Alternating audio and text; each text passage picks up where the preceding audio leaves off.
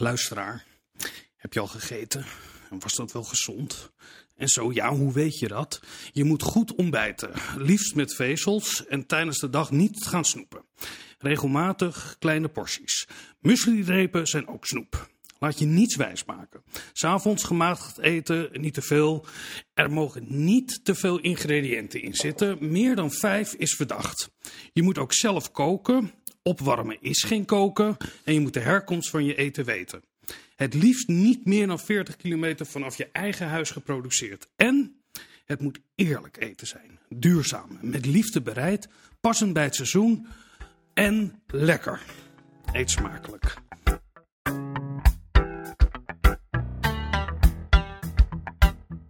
Dit programma wordt mede mogelijk gemaakt door Amsterdam University Press. Vanuit Amsterdam is dit Onder Media Doctoren, de podcast waarin communicatiewetenschappers zich verwonderen over de media.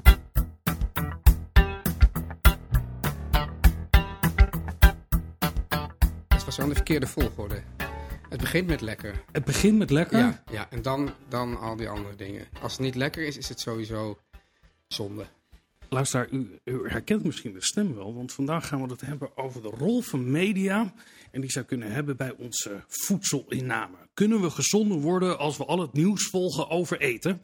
Of zijn de mediamakers niets meer dan de handlangers van het groot kapitaal die ons vet mesten met suiker, zout en vet?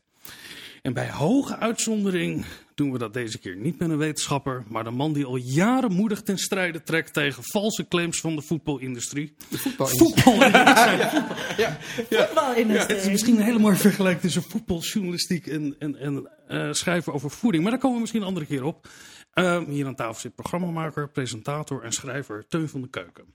Teun, wat heb je vanavond gegeten en waarom?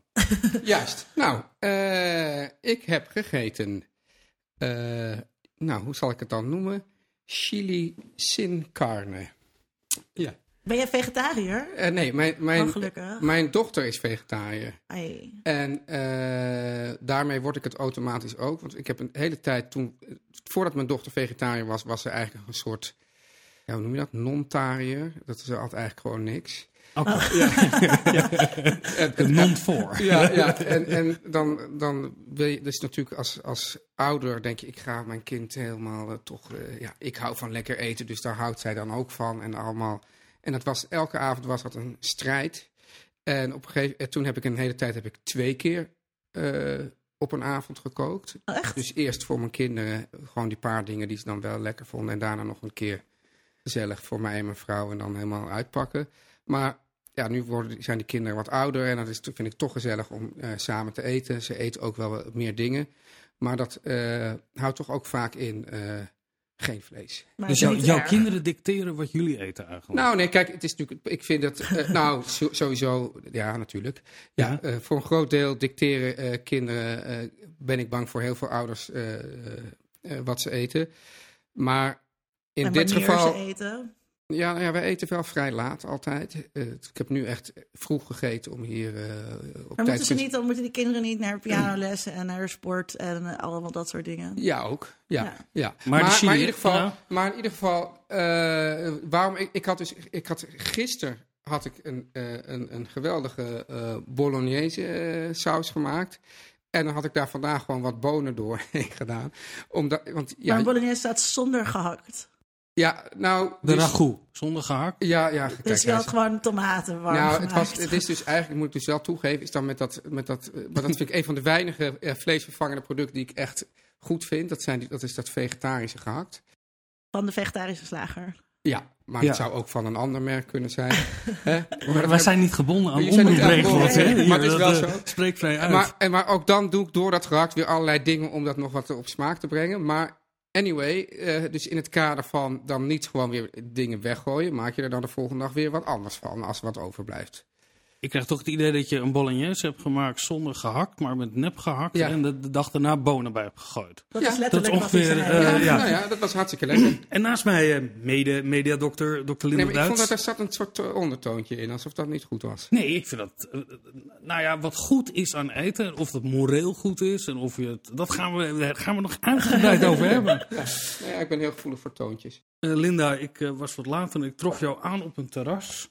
waar je aan het eten was.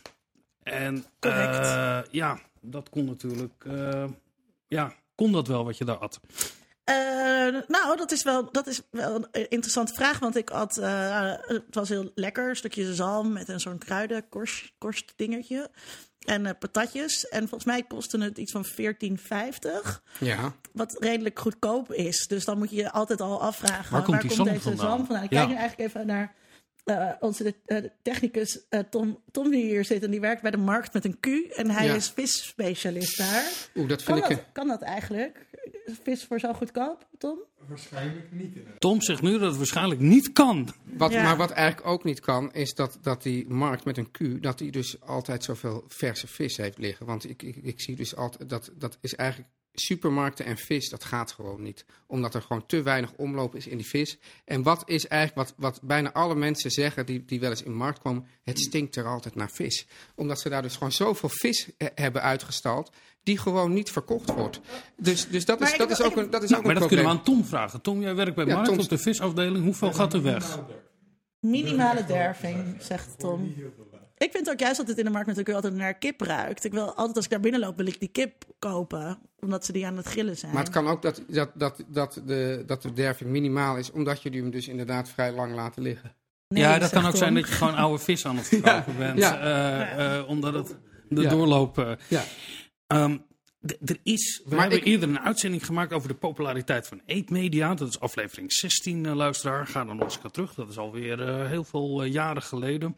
Waarin het ging over wat we allemaal op Instagram doen en kookprogramma's. Maar er is in de media ontzettende aandacht voor eten.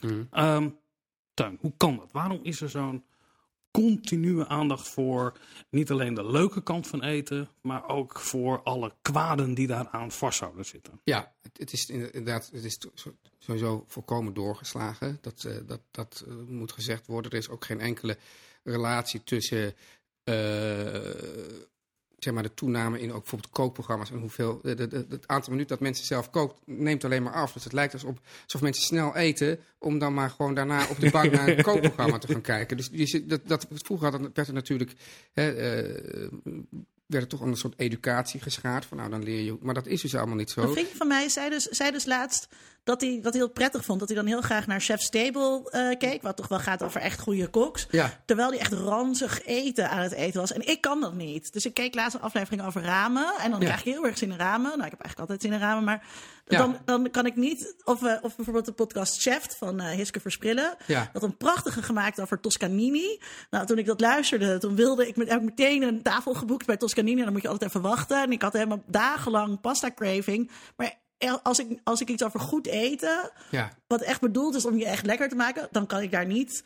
eh, eh, nee, dat eet ik sowieso eigenlijk niet. Maar een magnetronmaaltijd of zo bij eten. Ja, nee. Maar blijkbaar doen mensen dat dus wel. Dus misschien is het toch dat mensen hun.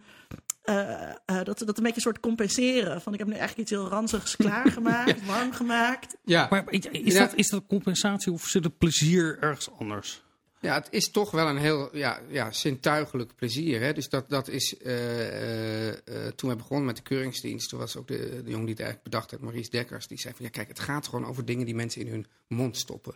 En we, hebben, we hebben bijvoorbeeld ook een uitzending gemaakt over dat, op de keuringsdienst gaat eigenlijk niet, die gaat voor, nou ik denk 99% over voedsel, maar soms maken we ook een uitstapje. We hebben ook een keer een uit- uitzending gemaakt over het Donse dekbed. En dat ging dan over dat dan ganzen eh, drie keer in hun leven werden kaalgeplukt tot bloedens toe om onze dekbedden te maken.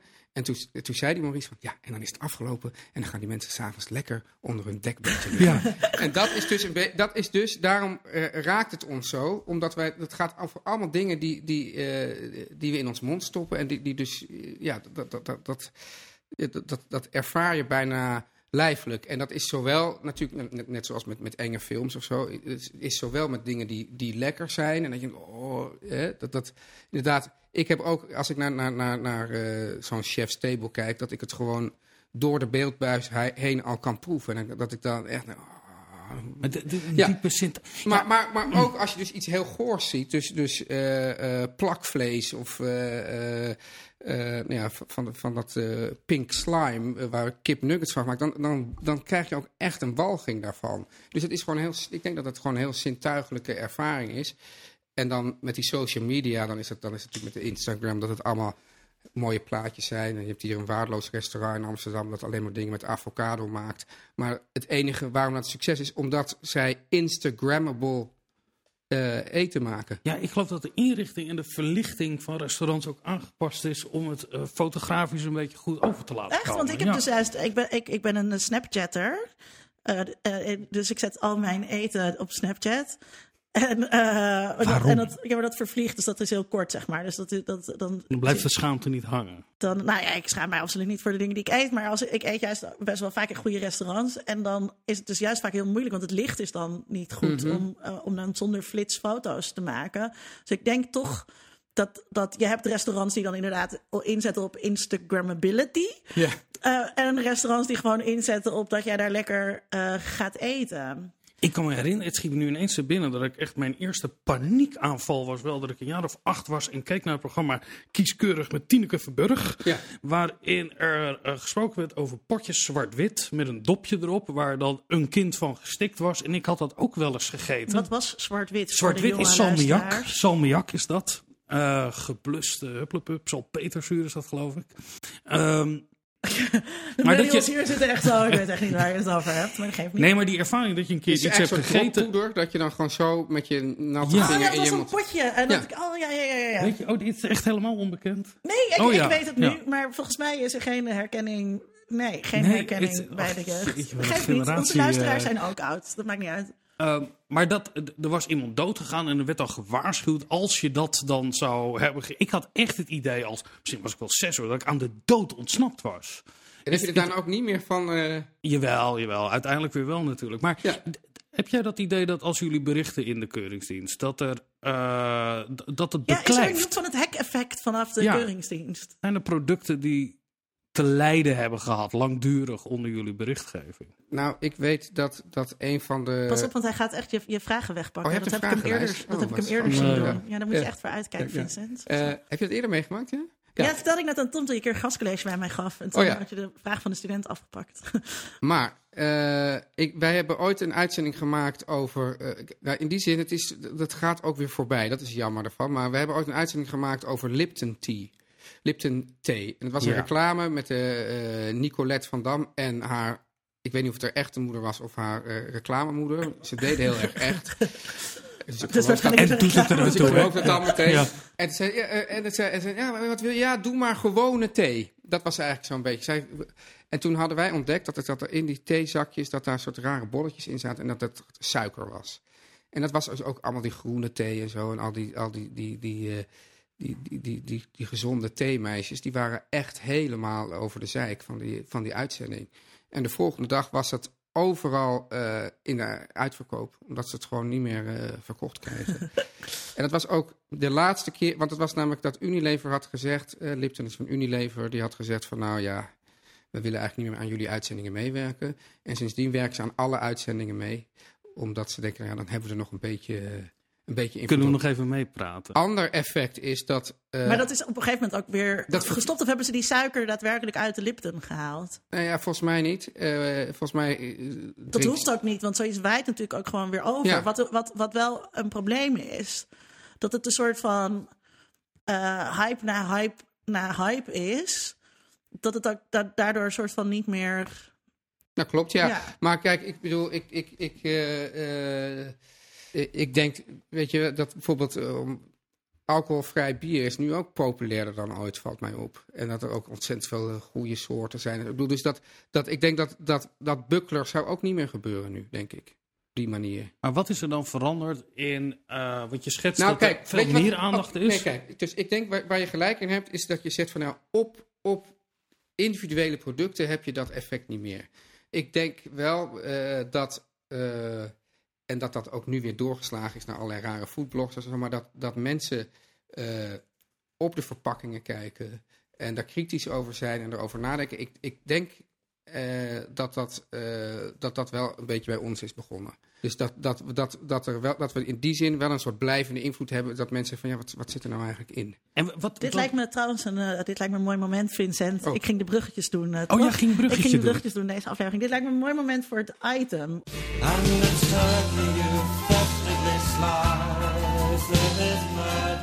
De wereld staat in brand. Door klimaatverandering zijn grote groepen mensen in gevaar. Hun thuis zal onbewoonbaar worden door stormen, overstromingen of juist uitdroging. Ook voor dieren ziet het er niet al te best uit. Als ze al niet in gevangenschap in de bio-industrie leven, zal hun leefgebied waarschijnlijk drastisch veranderen, waardoor het nog maar de vraag is of ze kunnen overleven. Daarom doe ik graag verantwoord boodschappen. Zo koop ik bijvoorbeeld, als ik al vlees eet, zoveel mogelijk kip. Het zorgt voor veel minder uitstoot van broeikasgassen dan rundvlees. Maar toen las ik laatst dat dat dan weer veel meer dierenleed veroorzaakt. Eén koe levert namelijk evenveel vlees op als 200 kippen. Dan red je dan toch mooi 199 dieren mee als je alleen maar rund zou kopen. Dus wat is dan belangrijker? Het klimaat of die 199 levens? Ja, dus dan denk ik, nou dan koop ik toch gewoon een stukje vis. Maar dan wel kweek, want ik wil natuurlijk niet dat de zeeën leeggevist worden. Lekker stukje zalm of zo. Maar nee, ik zie net weer een aflevering van de Keuringsdienst dat om die vissen te voeren heel veel wilde vis nodig is. Zo'n 5 kilo wild voer voor 1 kilo kweekvis. Dit schiet dus ook niet op. En dan denk je, dan doe je toch vleesvervangers? Maar een of andere onderzoeker aan de Beur heeft daar dan ook weer zijn twijfels over. Bij de productie van plofkippen zouden nog steeds minder broeikasgassen vrijkomen. Maar die plofkippen, die zorgen dus weer voor het meeste dierenleed.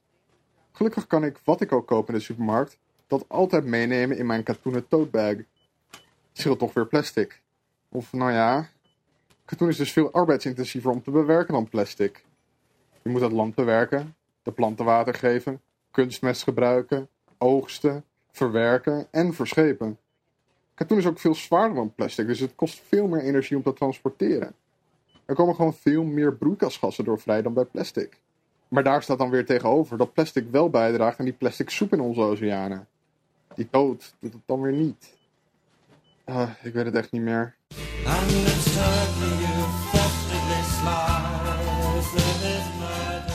Ik vind het heel erg herkenbaar. Dat, dit, dit, dit is wat ik in mijn achterhoofd... Ik, ik heb soms boodschappenstress.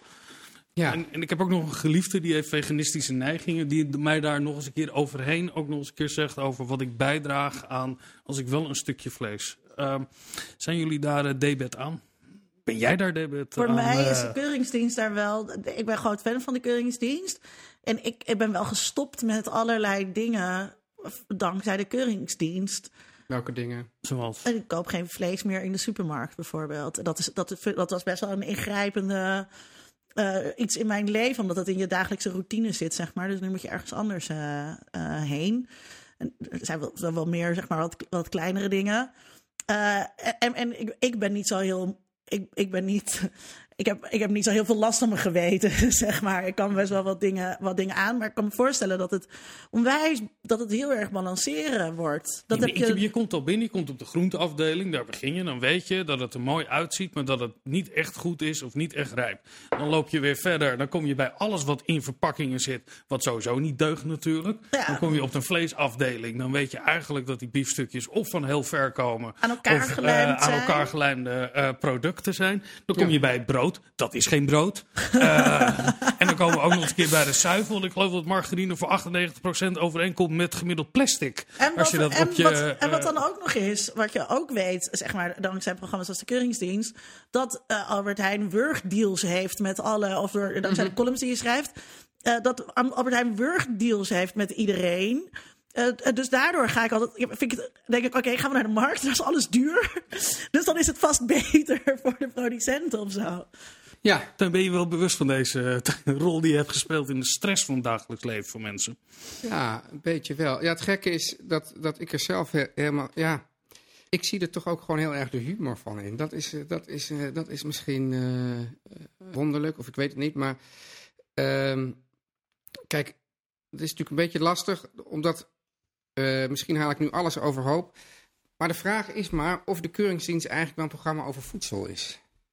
Ja. Dat zou je kunnen afvragen, want ik denk dat het ook heel erg, misschien wel voornamelijk, een programma is over marketing. Dat dan wel, die dan wel voornamelijk over voedsel gaat. En ehm, eigenlijk is mijn uitgangspunt in dat. Kijk, goed, uiteindelijk laten we dan wel zien hoe, hoe dingen allemaal niet, eh, niet deugen. Hoewel we dat dan meestal niet zo hard zeggen. Maar dat, dat kan je dan wel te vrij makkelijk uithalen. Maar het, als iemand eh, eh, op zijn verpakking zet eh, plakvlees. En er zit plakvlees. dan kunnen wij er geen uitzending over maken. Snap Nee. je wel?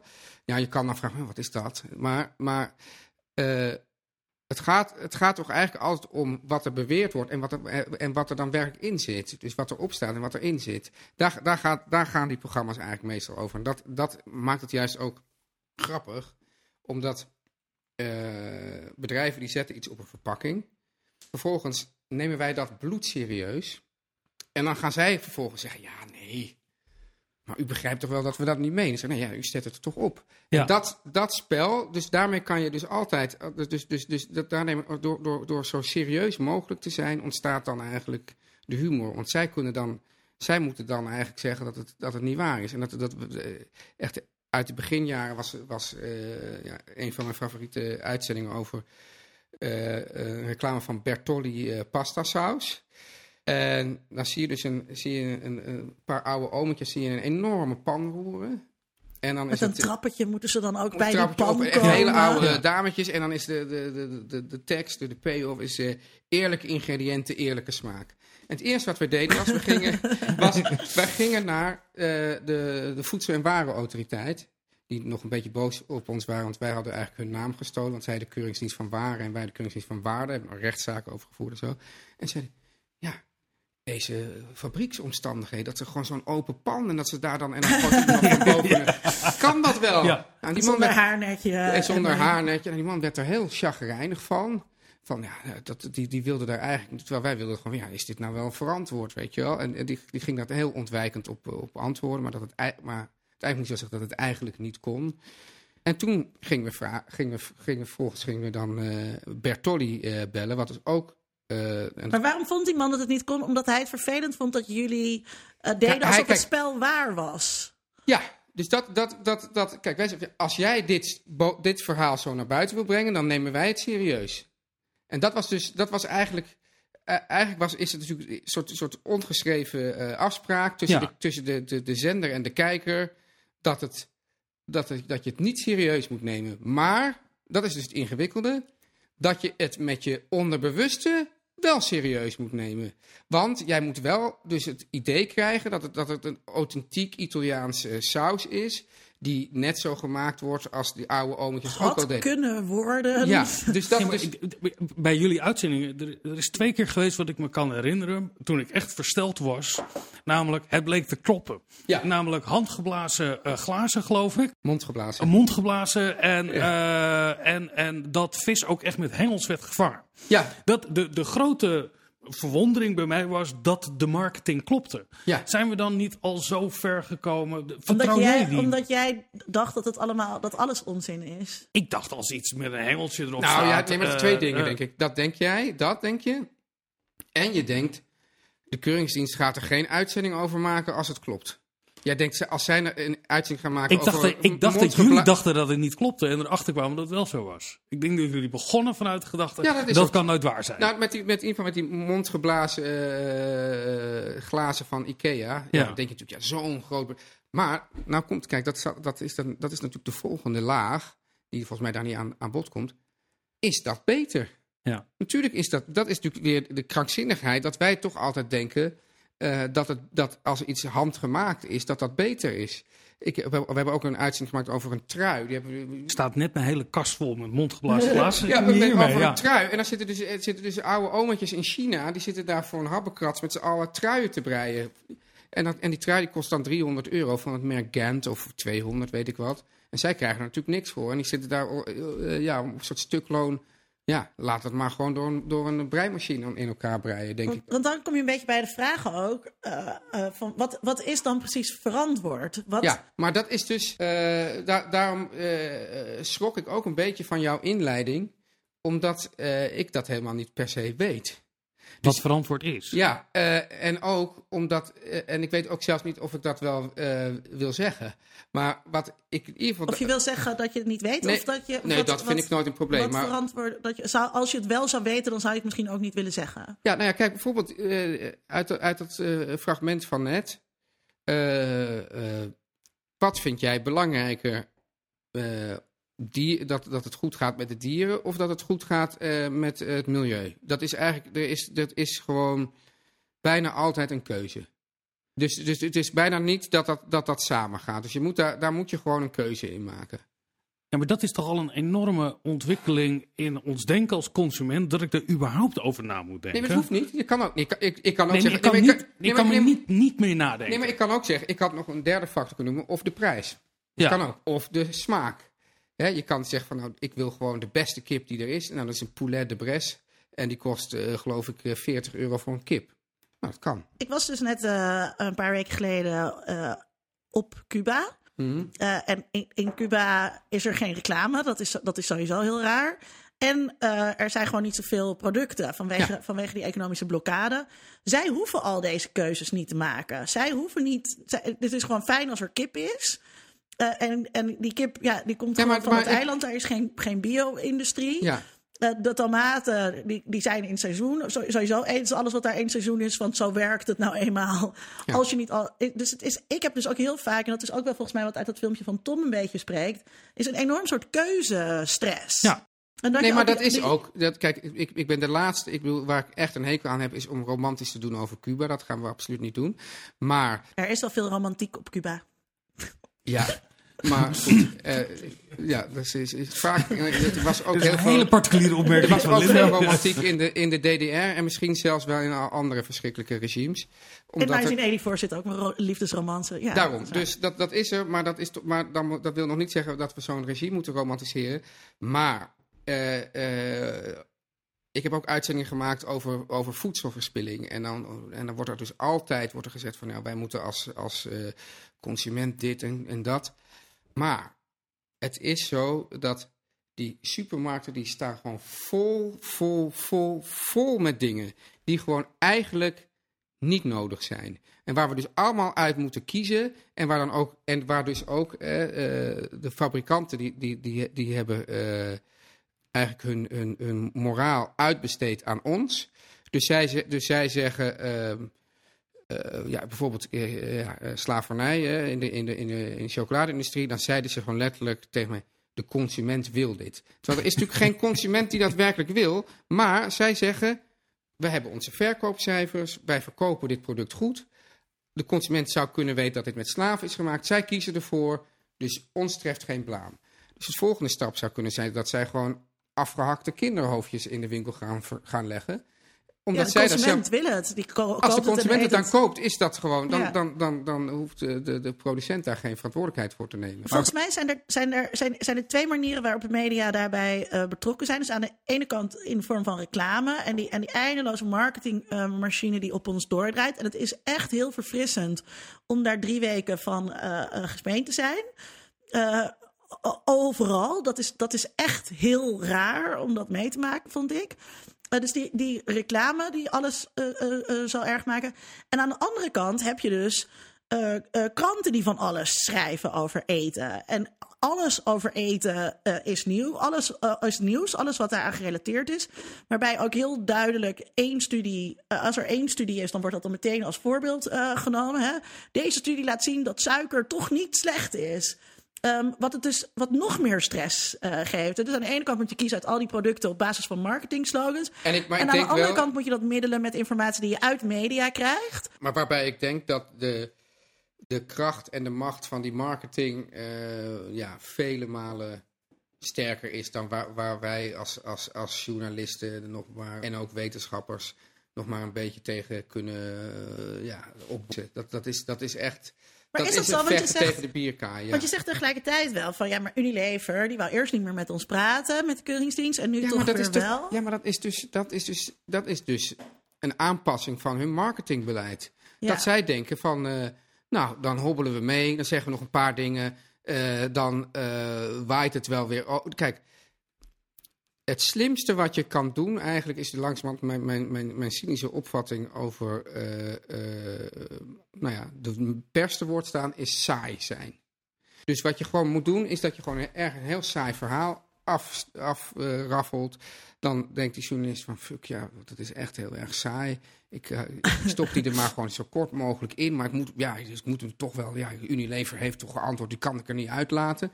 Ja, dan zit je daar maar mooi mee, weet je wel. Dan wordt dus. Terwijl als ze niet Je hebt geen meedoen. programma dan. En als ze niet Ja. meedoen, dan kan je heel erg roepen, ze doen niet mee. Ja, maar je zoekt toch ook heel erg naar die stuntelende woordvoerder die liefst drie keer zegt ik doe hem even over. Of die, Dat is dus eh, ook een, eh, een, een i- invloed van de keuringsdienst. Is dat al die eh, telefoonlijnen, die hebben allemaal na twee seizoenen de keuringsdienst echt hun, hun beleid enorm ge- gestroomlijnd. Van eh, eh, kunt u even een mail sturen. eh, Maar dat is sowieso interessant dat je altijd afge, afge, hoe noem je dat, afgewimpeld wordt met kunt u mailen. Ja, en dat was in het begin niet hoor. In het begin was het altijd, kreeg je hele antwoorden van dat mensen gewoon, gingen gewoon zelf een beetje fantaseren. Maar waarom is dat dan erg? Want jullie zeggen altijd nee, we willen niet mailen, maar wat is er erg aan mailen? Want dan kan, je kan die e-mails toch ook laten zien? Of dat kan je minder goed in beeld brengen? Ja, maar kijk, het, het is gewoon. Kijk, wij zitten nu weer ook te praten. Maar als jij mij nu een mail stuurt en ik stuur jou weer een mail terug, ja, dan is dat toch niet. Dan kunnen we dat wel gaan voorlezen. Maar dat gaat niet echt. eh, als ik nu iets, iets raars zeg, kan jij daar meteen op ingaan. Ja. En, eh, maar als jij mij mailt en ik, eh, dan ga, ga ik dus langer nadenken over hoe ik dat formuleer. Vervolgens zeg ik misschien toch iets raars, dan reageer jij op. Dan ga ik daar, geef ik daar weer een ontwijkend antwoord op in de mail. En op een gegeven moment is het mailverkeer, dat gaat ook niet. Eh, Ik bedoel, als wij een half uur praten, ik weet niet hoeveel, hoeveel woorden dat zou zijn, maar zo lang mail je sowieso niet. Dus mailen is gewoon niet televisiegeniek, laten we het zo zeggen. Nou, Je zei, als journalist heb je wel een rol en je kan dat controleren als een soort waakhond. Die marketing is heel Ja. sterk. Maar welke andere bronnen van informatie heb je als journalist om dan wel een soort waarheidsclaim te hebben over hoe het wel zit? Vertrouw je dan de wetenschap of zijn dat deskundigen?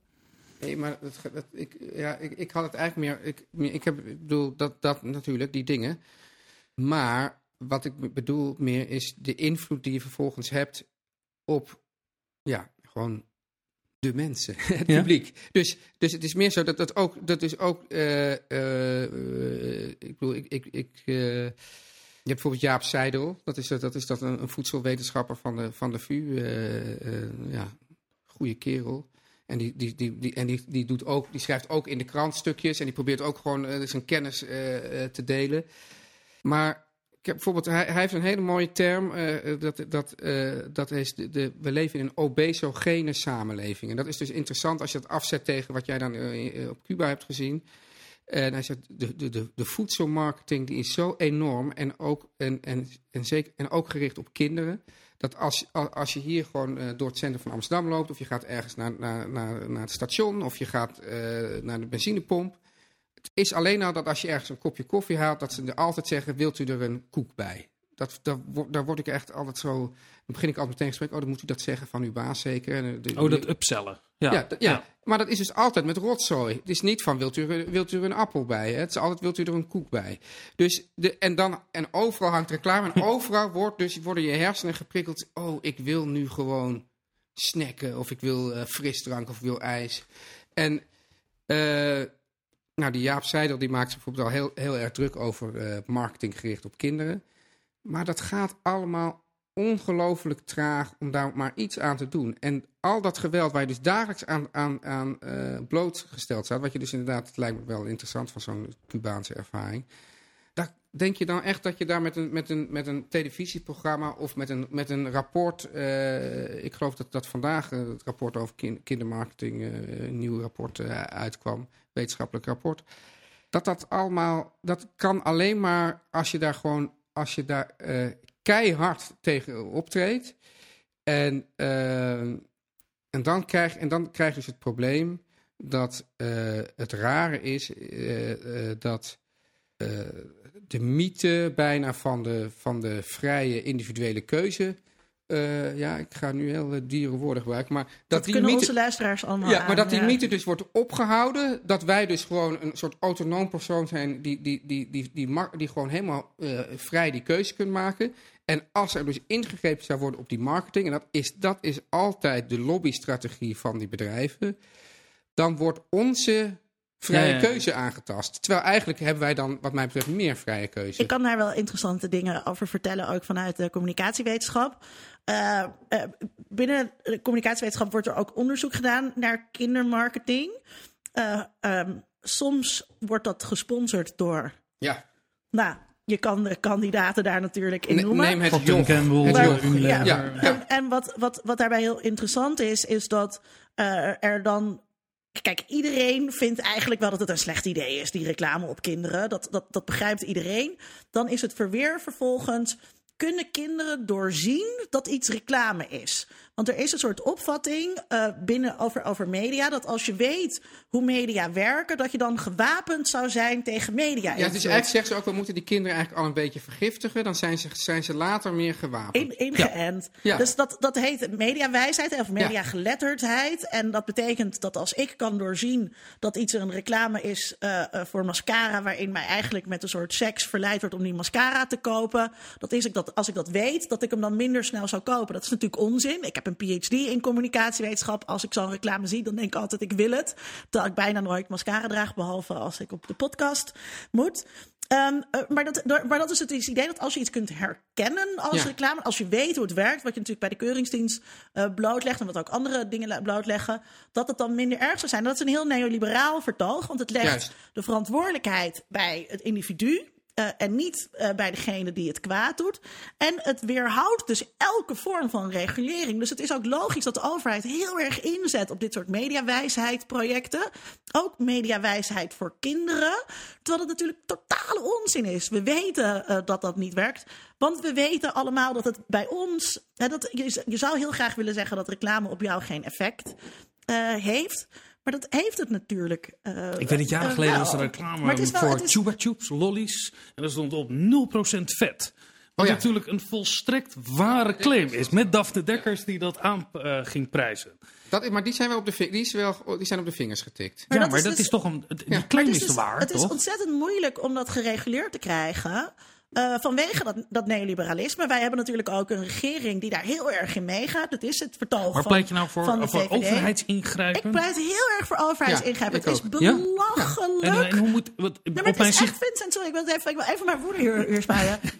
Als je kijkt naar, naar wat er om kinderprogramma's heen zit, aan reclame, dat is bizar. Als je kijkt ook hoeveel eh, reclame er in winkels gemaakt wordt op kinderen. Dus weet je wel dat je, dat je dus Ja. eh, Bob de Bauer macaroni hebt. Ja. En dat ligt dan precies op de hoogte van die peuters. Zodat die peuters gaan lopen zeiken in de winkel dat ze die macaroni En dus- en- en dan- eh, eh, willen. Maar Dat En is als je dat, en als je dat, dan, dat, dat neoliberale vertoog eh, doortrekt, dan vervolgens, als je daar dus dan wat van zegt, zeggen de mensen, ja, maar die ouders, De verantwoordelijkheid ligt bij de de ouders. verantwoordelijkheid ligt bij de ouders. Maar waarom?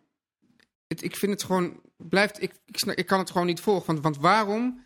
Hè, want er zijn ook andere ouders die dan, die dan zeggen van ja, wij zijn eh, streng of zo. Waarom zou je het überhaupt toestaan dat dat er is? Waarom, zou, waarom moet er eh, reclame voor kinderen gemaakt worden? Maar kijk, kijk, ik, ik, ik rook. En op die pakjes staat tegenwoordig dat het Ja. helemaal Willen niet goed voor je is. Eh, ja, ik wil wel een eh, glaasje water. Ja, ik ook eigenlijk, ja. En op die pakjes staat dat dat... Het blijkt dus helemaal niet goed voor je te zijn.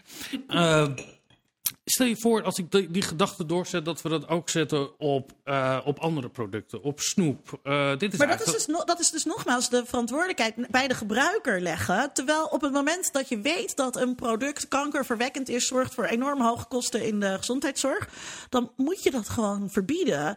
En ik ben ook een ex-roker. Ik voel met je mee. Ik zie de angstige blik in jouw ogen.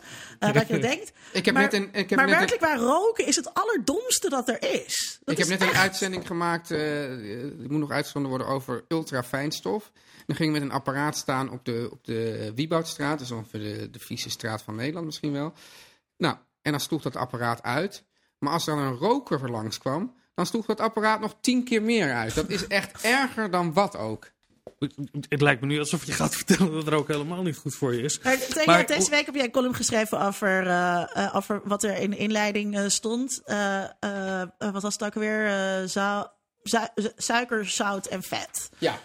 Ehm, en dan, want je schreef, dan komt er, hè, dan komt er een convenant. Ja. En dan, ga- want zo werkt het. Dan, Ja. nou, eerst wordt er dus heel veel geld gestokt, gestokt in, dat de media, in media wijsheid initiatieven. Zodat je kan laten zien dat je goed je best doet. En Coca-Cola sponsort Jok, Jok. En, eh, en, en ze doen allemaal mee aan convenanten. En dan teken je dus een convenant. Waarbij je zegt dat je in een, in een jaar wat nog heel ver weg is. Bepaalde doelstellingen. Dat je de ambitie hebt om die doelstellingen eh, Ja. te bereiken. Doet de tabaksindustrie nu ook. Hè? Die zeggen wij moeten blijven bestaan, maar we gaan alternatieve En, producten maar aanbieden. vervolgens, dit werkt ook alleen maar als pers daar aandacht aan besteedt. Als de pers schrijft wat goed van Coca-Cola, dat zij participeren in JOK. Of wat goed van Unilever, dat zij zich gecommitteerd hebben aan het convenant. Want anders, dan is het niks, toch?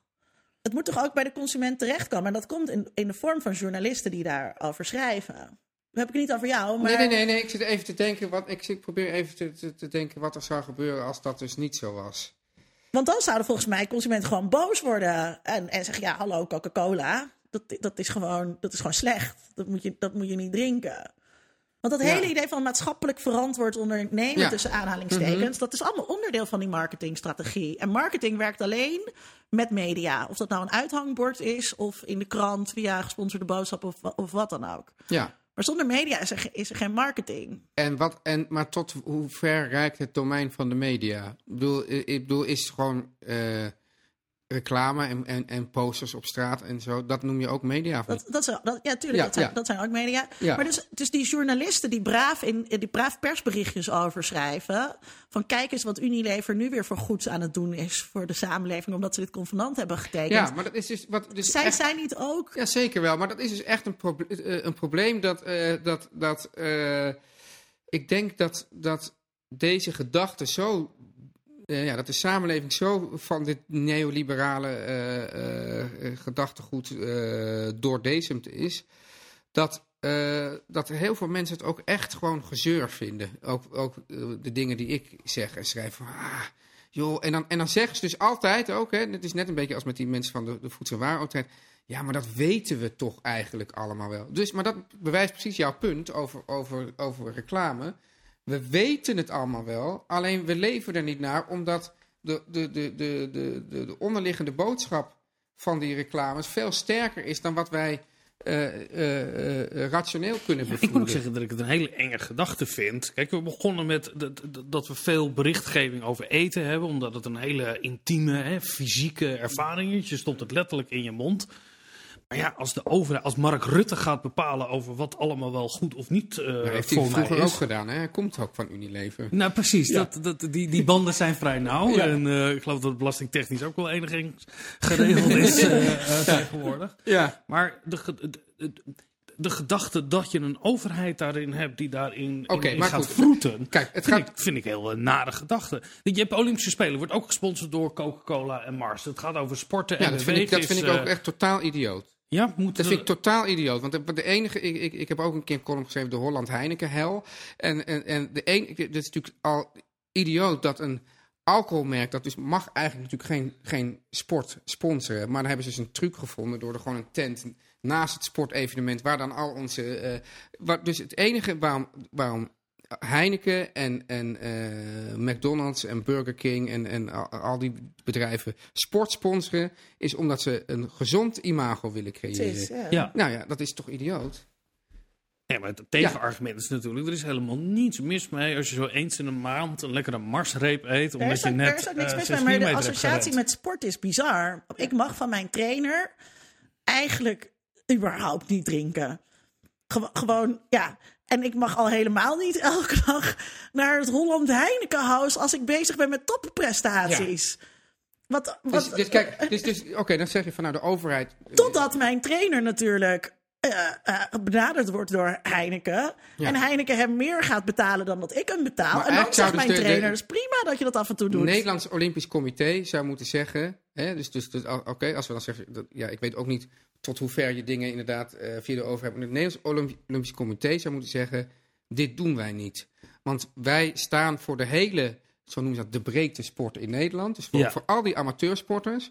En die krijgen nu dus het beeld dat, dat, dat eh, bij eh, topsport hoort bier drinken en... en Mars eten. ja, Maar en- waar trekken de grens dan? Nee, maar, Maar dat moet het, dat, is- ik, nee, maar het gaat erom dat, dat, dat eh, omdat wij dus net hadden geconstateerd dat, dat eh, eh, bedrijven dus hun eh, eh, morele overweging gewoon op ons afschuiven. Dan zeg ik nee, jullie moeten die morele overweging zelf ook maken. En dan zeggen ja, ik wil hier gewoon niet, niet mee geassocieerd worden. ik wil het even terugtrekken naar, naar de media. Eh, Zou, zou je dan, vind je dan, Teun, dat bijvoorbeeld ook sportjournalisten daar verantwoordelijkheid in zouden kunnen nemen? Eh, en ook gewoon niet meer kunnen zeggen: dit is de Jupi- Jupiler League. Maar het is gewoon de eerste divisie, of weet ik veel wat Ja, het is. ja, ja. En niet meer zeggen: het is. Dus gewoon niet meewerken aan die continue reclame. Ja, en maar waarschijnlijk staat dat ook in hun contract. Daar ben ik bang voor, dat, dat, dat ze dat eh, allemaal... Maar moeten we niet, want dat is het toch. Er, vind je dat er een verantwoordelijkheid ligt bij journalisten? eh, om, nou, kijk, kijk, het is de... de, de om in ieder geval dit te bestrijden. En je kan elke keer zeggen, Ja, we zijn in het Holland Heinekenhuis. Hoe dom is het dat sport en bier met elkaar in verband... Dat kan je elk, bij elk zinnetje kan je dat, dat vind erbij ik zeggen. eigenlijk wel, dat dat moet. En, en ook, kijk, het is sowieso dat... dat Jongens, ik ben echt versteld van wat een belerende rol die jullie. het- Als maar een het gaat sportjournalist, het- die moet er gewoon berichten. Nee. En dat vindt ergens plaats. Dan vindt een huldiging plaats.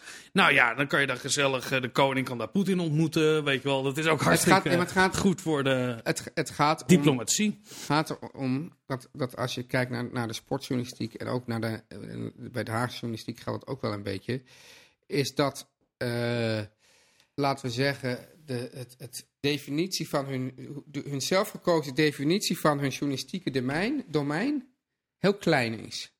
Ja. Dus, dus eh, als, als er dus een goed verhaal eh, over doping komt, dan is dat altijd van iemand die geen sportjournalist is. Bijvoorbeeld. Eh, En ik zie dat dus in hetzelfde. Als, er dus, dus, dus, als je het hebt over sportactiviteiten, een, een- een WK in, in Rusland, dan zal daar misschien nog, zal, zal de kranten misschien nog een andere journalist daarheen sturen om daarover over die zaak te praten. Maar dat moet. eh, dus die, die, die toernooien worden alleen maar daar gehouden omdat sport en politiek zo verweven is. Daar hebben we ook een uitzending over gemaakt trouwens. Over sportjournalistiek. Nee, over hoe sport en politiek met elkaar verweven zijn. Ja, maar ik vind wel- Maar, maar, maar de sportjournalist zal er altijd voor kiezen om die verwevenheid eh, te ontkennen. En gewoon laten we, laten we het gezellig houden. En gewoon ons op de sport eh, richten. Ja. Ja, die Maar dat is dus naïef. dat is naïef. Ja, ik maar vind ik dat we vind daar het een keer een uitzending over moeten maken. Linda, wie is Hidde Broersma? Hey, eh, eh, dat eh, dat gaat, gaat de heer de Broersma gewoon zelf vertellen. hij dat helemaal zelf Dat, zeggen? eh, dat hij gaat zichzelf helemaal introduceren. Moving to the country, I'm gonna eat a lot of peaches. I'm moving to Ik ben eh Hidde Boersma, ik ben wetenschapsjournalist. eh, van oorsprong eh, gepromoveerd moleculair bioloog. En ik schrijf heel veel over eh, voedsel, landbouw, eh, biotechnologie, dat soort dingen. En ik heb vorig jaar een boek geschreven over het ecomodernisme en ook een documentaire gemaakt. En de documentaire die gaat over, die heet Well Fed en die gaat over het effect van de weerstand die wij in het Westen hebben tegen genetisch gemodificeerd voedsel op het leven van arme boeren. Nou, ik ben ooit eh, wetenschapsjournalist geworden na, na mijn promotie. Maar voor mij was dat echt verschrikkelijk. Ik- Dat, dat labwerk, die 80% van de tijd zit je in het lab en dan doe je allemaal van het routinematige werk. En ik was er echt heel slecht, slecht in. Dus ik wist al halverwege mijn promotie, jongens, ik moet wat anders doen dan in de academie. Dus toen heb ik een cursus wetenschapsjournalistiek gedaan. En toen bleek dat ik daar een stuk meer aanleg voor had dan, eh, dan, het, eh, dan het labwerk. Ja, ik ben ooit begonnen vanuit mijn richting als, als moleculair bioloog. En daar werkte ik heel veel met, eh, ja, met genetische modificatie. En toen raakte ik langzaam een beetje in het debat verzeild rond genetische modif- ja, genetisch gemodificeerd voedsel. En het raakte mij heel erg dat dat een hele, hele, hele potente techniek niet maximaal gebruikt werd. Nou, zo langzamerhand ging dat van genetisch gemodificeerd voedsel naar voedsel in het algemeen, naar voedselproductie. En zo langzamerhand werd het steeds breder. En merkte ik ook dat er gewoon, ja, er is heel veel onzin als het gaat om voedsel in de wereld. Heel veel onzin, berichten. Dus er was ook veel te debunken voor mij. Voor mij leent wetenschapsberichten, die lenen zich niet echt voor nieuwsberichten. Voor mij moet je altijd context erbij, eh, grote achtergrondstukken. En dan wordt ook veel duidelijker hoe voedselwetenschap in elkaar zit. Want als je één studie hebt naar, eh, naar koffie, dat kan altijd een uitzondering zijn. En als je honderden studies naast elkaar legt, dan zul je zien dat sommigen zeggen dat het goed voor je is, dat sommigen slecht voor je is. En overal kun je dan een conclusie eh, maken, maar dat gebeurt te weinig. Je ziet dat al die individuele eh, papers, al die individuele wetenschappelijke artikelen, die worden allemaal opgepikt. Ja, en dan, dan, dan raakt het, het publiek raakt helemaal in verwarring. Maar ik vind dat je als journalist echt de verantwoordelijkheid om het publiek voor deels ook op te voeden. Ik zie mezelf trouwens ook als journalist slash activist. Dus ik vind ook dat ik een, ja, ik probeer toch ook wel een soort levensvisie of een soort toekomstbeeld eh, door te brengen naar, naar mijn lezers. Eh, ja, je ziet dat, dat, er, dat er in de maatschappij een soort trend is, en helemaal onder hoog opgeleide stadse mensen, dat die, eh, soort, ja, die hangen naar een soort natuurlijkheid. Die willen allemaal natuurlijk voedsel, die willen ook zelfs hun eigen voedsel produceren. En dat, ja, de, de, de liefde daarvoor die gaat dieper dan, dan een simpele, jongens, dit is goed voedsel, dit is slecht. Volgens mij zit er een, ja, bijna een soort. Nou, er zijn, voor mij verschillende dingen die spelen. Ten eerste, ehm, volgens mij hadden jullie vorige week een podcast eh, die begon met ehm, waarom je bepaalde kleren aan hebt en hoe, hoezeer dat ook een signaalfunctie heeft naar anderen. Nou, dat is met voedsel ook zeker zo. Voedsel is ook een, bijna een soort klassenstrijd. Dus eh, met hetgene wat je eet, eh, geef je aan dat je tot een bepaalde tribe, tot een bepaalde stam hoort. Dus eh, je eet weinig vlees en je eet heel erg natuurlijk. En het zijn een soort leefregels die bij je club horen. Dat, hoort, dat, dat zit er heel erg achter. En voor de rest zit er volgens mij ook bijna een soort strijd achter van socialisme versus kapitalisme. Als je het hebt over natuurlijk voedsel, eh, dan gaat het vaak over, ja, weet je wel, dus weg van de grote bedrijven, eh, eigen productie, eh, autonomie over je eigen voedselsysteem. Dus dat zit er ook echt heel erg, heel erg het, is, het is een soort counterculture tegen de, tegen de kapitalistische maatschappij van de Monsanto's en de Syngento's die onze voedselproductie bepalen. Dus dat zit er voor mij heel erg achter. kijk, en als je, als je echt ingaat op, op, op natuurlijkheid, kijk, het hele fenomeen van natuurlijk voedsel is natuurlijk eigenlijk een beetje een, een, een misnomer. Want als je echt voedsel uit de natuur haalt, dan heeft een, uh, een maiskolf die heeft maar zes, uh, zes van die kernels, weet je die dingetjes, zes van die mais uh, dingetjes. En nu zitten er 2000 op. Er is niks natuurlijk aan ons voedsel nu al. een broccoli of een boerkool, die zie je niet in de natuur. Dat is een product van eeuwenlange selectie. dus wat mij betreft kan een, een, een, beetje genetische modificatie kan er nog wel bovenop. Er zijn, er zijn heel veel discussies over waar moeten we heen als het gaat om voedselproductie. Moeten we hoogtechnologische landbouw hebben of moeten we uh, wat meer biologische landbouw hebben en, en, en natuurinclusieve landbouw? En volgens mij is dat ook weer een discussie die heel erg gaat over uh, onze plaats ten opzichte van de wereld. Onze plaats ten opzichte van de natuur. Dus als je heel erg voor, biologische landbouw gaat, dan zie je jezelf als één met de natuur en wil je in harmonie leven met de natuur. En als je de hoogtechnologische landbouw kiest, dan vind je dat de mensen eigenlijk boven de natuur staat. Dat wij de, de, kracht hebben om, om de natuur naar onze hand te, te en, en alle discussies die, uh, die over landbouw gaan, of het nou gaat om GMO's, dus Gentech, of het nou gaat om bestrijdingsmiddelen, of het gaat om schaalgrootte, weet je, willen we grote boerderijen, willen we kleine boerderijen. Het gaat eigenlijk altijd over wat is onze plaats ten opzichte van de natuur. De reacties op mijn documentaire zijn eigenlijk nog wel opvallend positief. Het is natuurlijk uh, als het over de weerstand tegen genetische modificatie gaat, dan gaat het vaak over de weerstand dus tegen het kapitalisme, tegen de grote bedrijven, tegen de Monsanto's van deze wereld. En wij zijn in de documentaire op bezoek geweest in Bangladesh. En daar is een project met genetisch gemodificeerde aubergines, die, uh, nou, die eigenlijk ontwikkeld zijn uh, met publiek geld. Met een lokale universiteit, dus helemaal buiten de grote bedrijven. En je ziet gewoon dat ja, de meeste mensen zijn niet in staat om de techniek, genetische modificatie, uit dat hele debat rond Monsanto te halen. Maar nu werden ze voor het eerst geconfronteerd met een soort, met een gegeven van, hey, Gentech is meer dan alleen Monsanto, het is meer dan alleen uh, kapitalisme. Dus er zijn, ik heb veel positieve reacties gehad van mensen die zeggen, zo'n project als dit, daar zou ik best achter kunnen staan. En ik, ik zelf zeg ook altijd, jongens, ik ben ook teleurgesteld in hoe genetische modificatie alleen maar wordt gebruikt voor, om veevoer te maken. Want dat is op dit moment. Er wordt soja van gemaakt, er wordt maïs van gemaakt en, uh, en koolzaad. En dat is bijna allemaal voor veevoer. Dus ik wilde ook heel graag laten zien, jongens, als wij als goeien, als groenen erachter gaan staan, als wij die techniek kunnen gaan gebruiken, dan kunnen we meer van dit soort projecten uh, starten, waar de armste mensen echt, uh, echt profijt van hebben. En daar, konden, daar kunnen natuurlijk wel veel mensen kunnen erachter staan. Ja, kijk, verantwoord eten houdt voor mij in dat het uh, gezond moet zijn, dat het uh, veilig moet zijn en dat het betaalbaar moet zijn. En, en als, je, als het gaat om bijvoorbeeld genetisch gemodificeerd voedsel, is er een brede wetenschappelijke consensus dat er geen. Dus dat, dat de gezondheidsrisico's niet groter zijn dan met klassiek veredelde uh, gewassen. Dus eigenlijk, wat mij betreft, ik, ik heb best wel vertrouwen in, in uh, de instituties die wij in Nederland hebben. En op dit moment is het voedsel wat in de supermarkt ligt gewoon goed, veilig, betaalbaar. En dan, is, dan ligt er wat mij betreft natuurlijk wel te veel ongezond voedsel. Maar we hoeven ons geen zorgen te maken over, over veiligheid en dat soort dingen. Ik denk dat het voedsel nog nooit zo veilig is geweest als op dit moment is.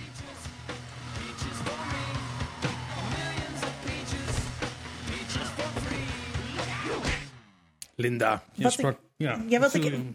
Wat ik interessant vind aan wat, eh wat Hidde zegt, hij schetst een soort tegenstelling tussen enerzijds grote, kwaadaardige bedrijven en anderzijds de natuur.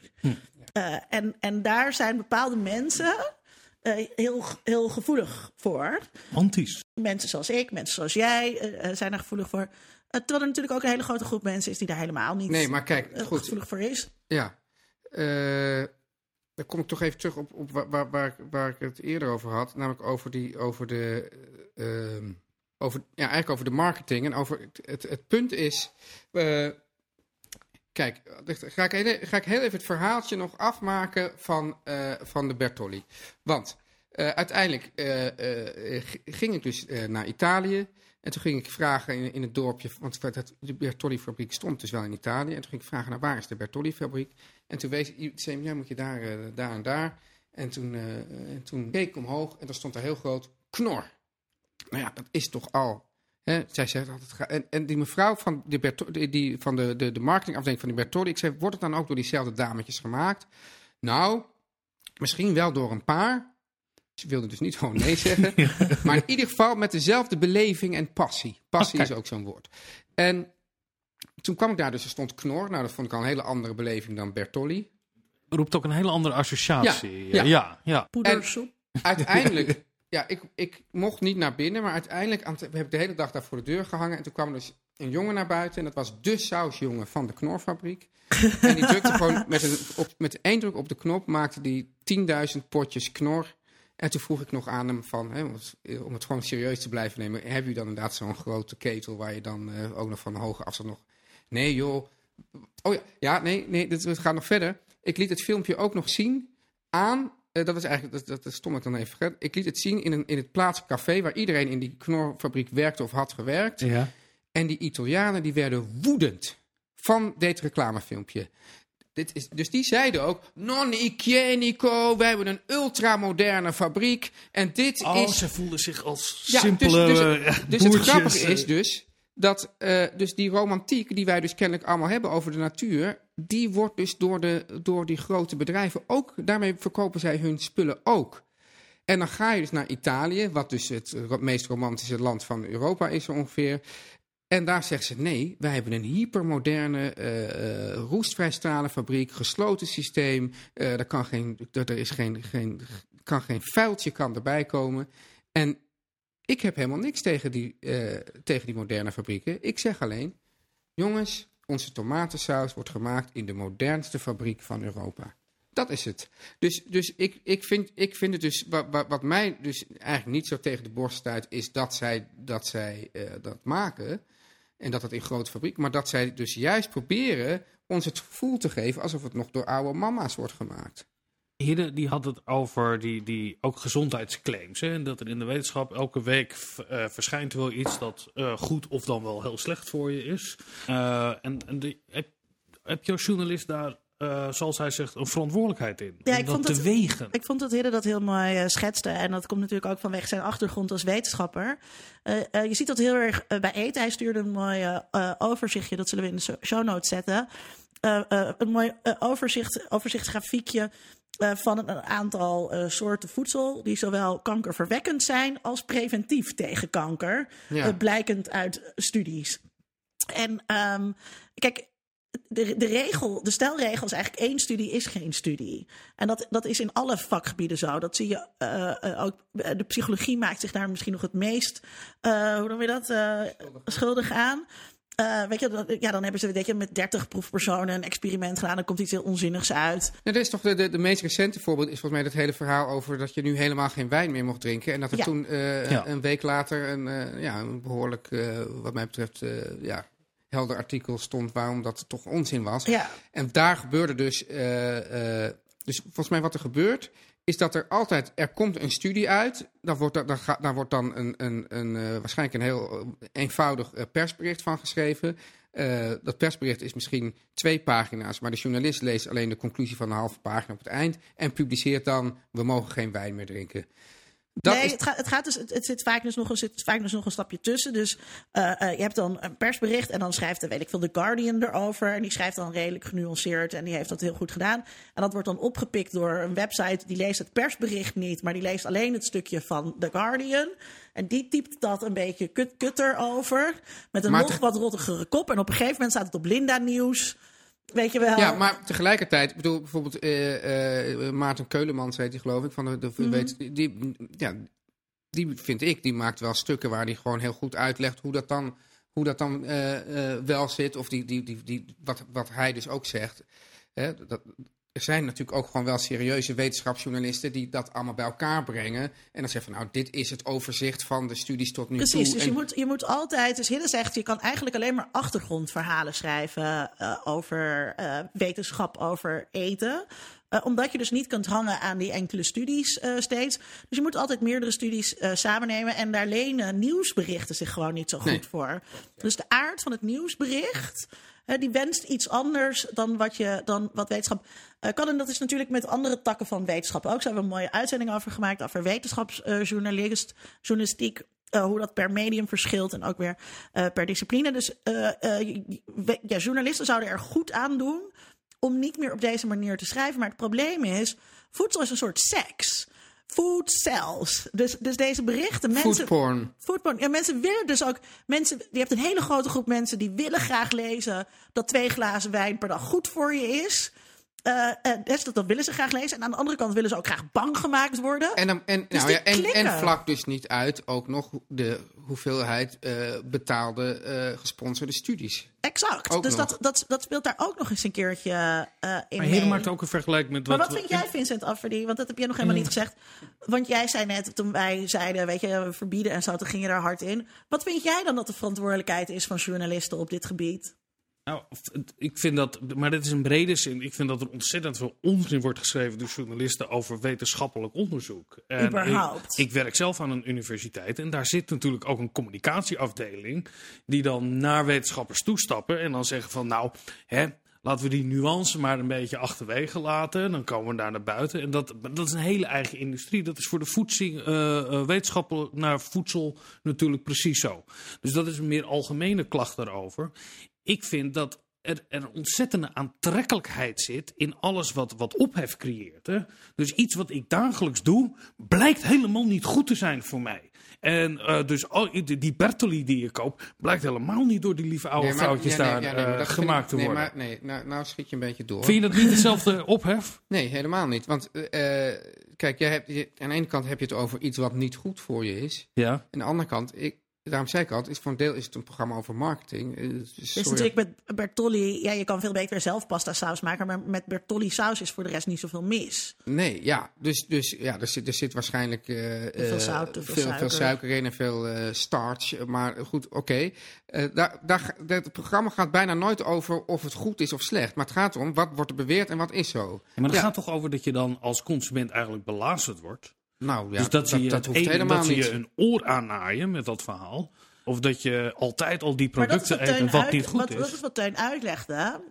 Dat eh, het, het, spel is dus dat je soort van wel ook verwacht dat je een oor aangenaaid wordt. Dus iedereen weet wel dat die omaatjes niet echt die Bertolli fabriek staan. Daarom is het zo'n sprekend voorbeeld. Maar tegelijkertijd is gewoon door die reclame is, is de, de, eh, geloof ik de, de omzet van die Bertolli eh, met 25% ge- gestegen. Eh, dus voor, in ieder geval voor onze uitzending sowieso.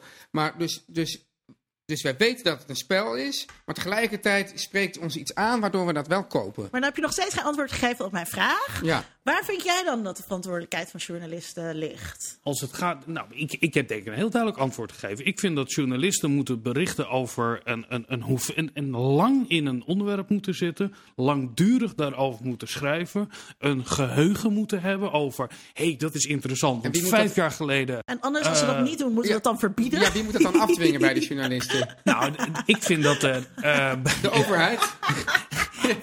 nou, Nu ik vind dat. eh, nou, ik vind dat programma's zoals Keuringsdienst van Waarde. eh, dat daar inderdaad een hele belangrijke publieke taak zit. Eh, jij bent natuurlijk ook betaald door de overheid om dat te doen. Ja, wel maar een op een belangrijke getrapte publieke manier. taak. Nee, maar de vraag Ja. is, als, dus, als journalisten nou denken van nou, dat, dat, dat, dat kan Vincent nou wel willen, maar daar heb ik helemaal geen zin in.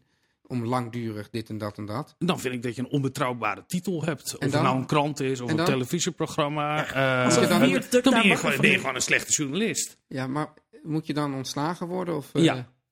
Ja, Ja, oké. dus, Nou, wat ja, vind het dus grappig dat jij dus wel, dat jij dus, daar moet Linda lachen, omdat jij dus, dus wel eh, vindt dat we net veel te ver gingen met over die marketing. Ja. Maar du- dus, terwijl dus een marketingapparaat van miljoenen of eh, euro's, maar dat, dat één slechte journalist, die moet dus, als hij dus niet eh, diepgra- jarenlang diepgravend onderzoek doet eh, naar de gevolgen van wijn drinken, maar daar gewoon één artikel over schrijft, dan moet hij ontslagen worden. volgens, volgens mij komen we nu al op een soort links-rechts denken uit over liberaal Het is heel hadden het fascistisch, over de- Vincent. Alle Ja. ruimte voor bedrijven, maar wel de pers aan banden leggen. Ja, Nee, maar ik geloof dat er zeven wilde? persvoorlichters zijn op elke journalist. Er zijn geloof ik maar tien wetenschapsjournalisten in heel Nederland, hebben we toen uitgezocht. Nou, iets, Eh, er, zijn, er zijn er iets meer. Nee, ja en, maar- FTE, en hoeveel, en hoeveel eh, lobbyisten? Nog meer. Dan Ja, nog veel ik meer. Moet het Dus dat, hier dat- even, ik moet het hier even opnemen voor de bureaus communicatie, wat ik eigenlijk nooit doe, want ik lig daar Nee, altijd mee in de we dat alsjeblieft niet doen. Eh, eh, nee, maar er was een interessant onderzoek van Jonica Smeets en eh, Peter Vasterman.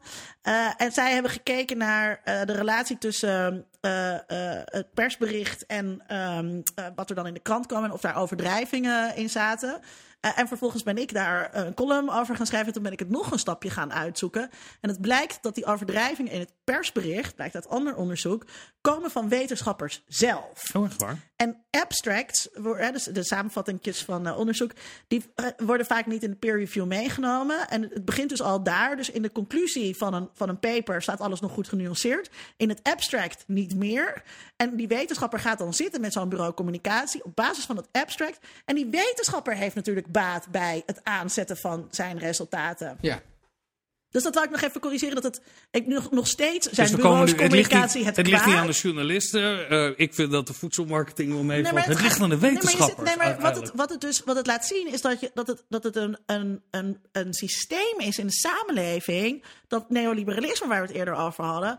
Wat dus alles doordrengt. En dat maakt dus ook dat wetenschappers zich geroepen voelen om zich te laten sponsoren door Coca-Cola of door Unilever. Het maakt ook dat wetenschappers zich geroepen voelen om hun resultaten te overdrijven. Want zij moeten scoren in, in eh, deze wereld. Dan krijg je, en dan zitten er allerlei laagjes tussen. Ten- en aan het einde Ja, heb je die arme ten- consument. Ja. En wat, wat We hebben vastgesteld- consument Nee, maar- nou? Als je het nou anders verder, wil, als je nou anders wil, hè, er werd gezegd door Ik heren. wil naar Cuba, maar dan zonder dictatuur. Nee, precies. Ja. Een, een soort, kan, kan je in Nederland te buiten treden? Kan je off the grid met je, met je eigen eten en je consumptie? Nee, maar ja, eh, nee, dat denk ik moet je niet. ook zo nee? niet willen. Maar hoe, hoe kan je het dan anders doen? Ja, kijk, het probleem is, kijk, om- omdat als je zegt, hoe kan je het anders doen, dan leg jij het dus eigenlijk al meteen weer bij de consument. En dat betekent dus dat de consument, die, die, die, die bevindt zich dus in een, in een wereld waar die voortdurend op ingehamerd wordt om, een paar, om allerlei dingen te kopen. En, en, en dat en te die, kiezen. En, en te en, kiezen. en, dat hoort ook nog bij zijn identiteit horen. Hè? Dus mensen rekenen hier ook nog een keertje op af. Ik, Ja. ik, ik voel me toch wel een soort van een beetje betrapt, zeg maar. Als ik, eh, al- al- als ik bepaalde dingen eh, doe die eigenlijk niet horen bij mijn klasse. Waar we het vorige, vorige keer over hadden. Nou, dus je, je wordt er de hele tijd op afgerekend. ja, Dat en, is toch en, wel wat. Ja, en, en, dan moeten wij dat, en dan moeten wij daar dus allemaal maar eh, schrap staan en ons daartegen te weerstellen. Dus, Dus dat, nou, dat kan eigenlijk Het doet mij denken aan mijn jeugd. Ik ben in een antroposofische kring opgegroeid. En had je de winkel De Zeiling. Waar je binnenkwam waar altijd een bel was. En waarin je alle ontzettende lelijke groentes altijd had Ja, liggen. met veel mannen, mannen hadden Ja, wij. met veel klei erop. Ja. Naast het bibliotheekje van Rudolf Steiner. Wat daar dan stond. waarin je dan...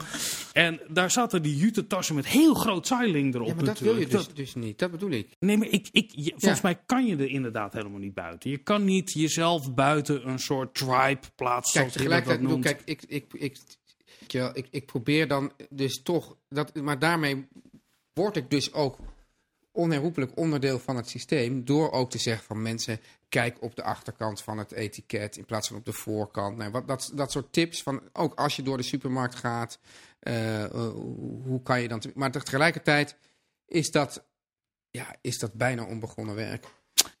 Linda Castro. Eh, welke rol kunnen media spelen bij verantwoord eten? We gaan trachten de vraag te beantwoorden. Ik, ehm, ik, ik denk dat media daar een heel eh, belangrijke en goede rol in zouden kunnen spelen.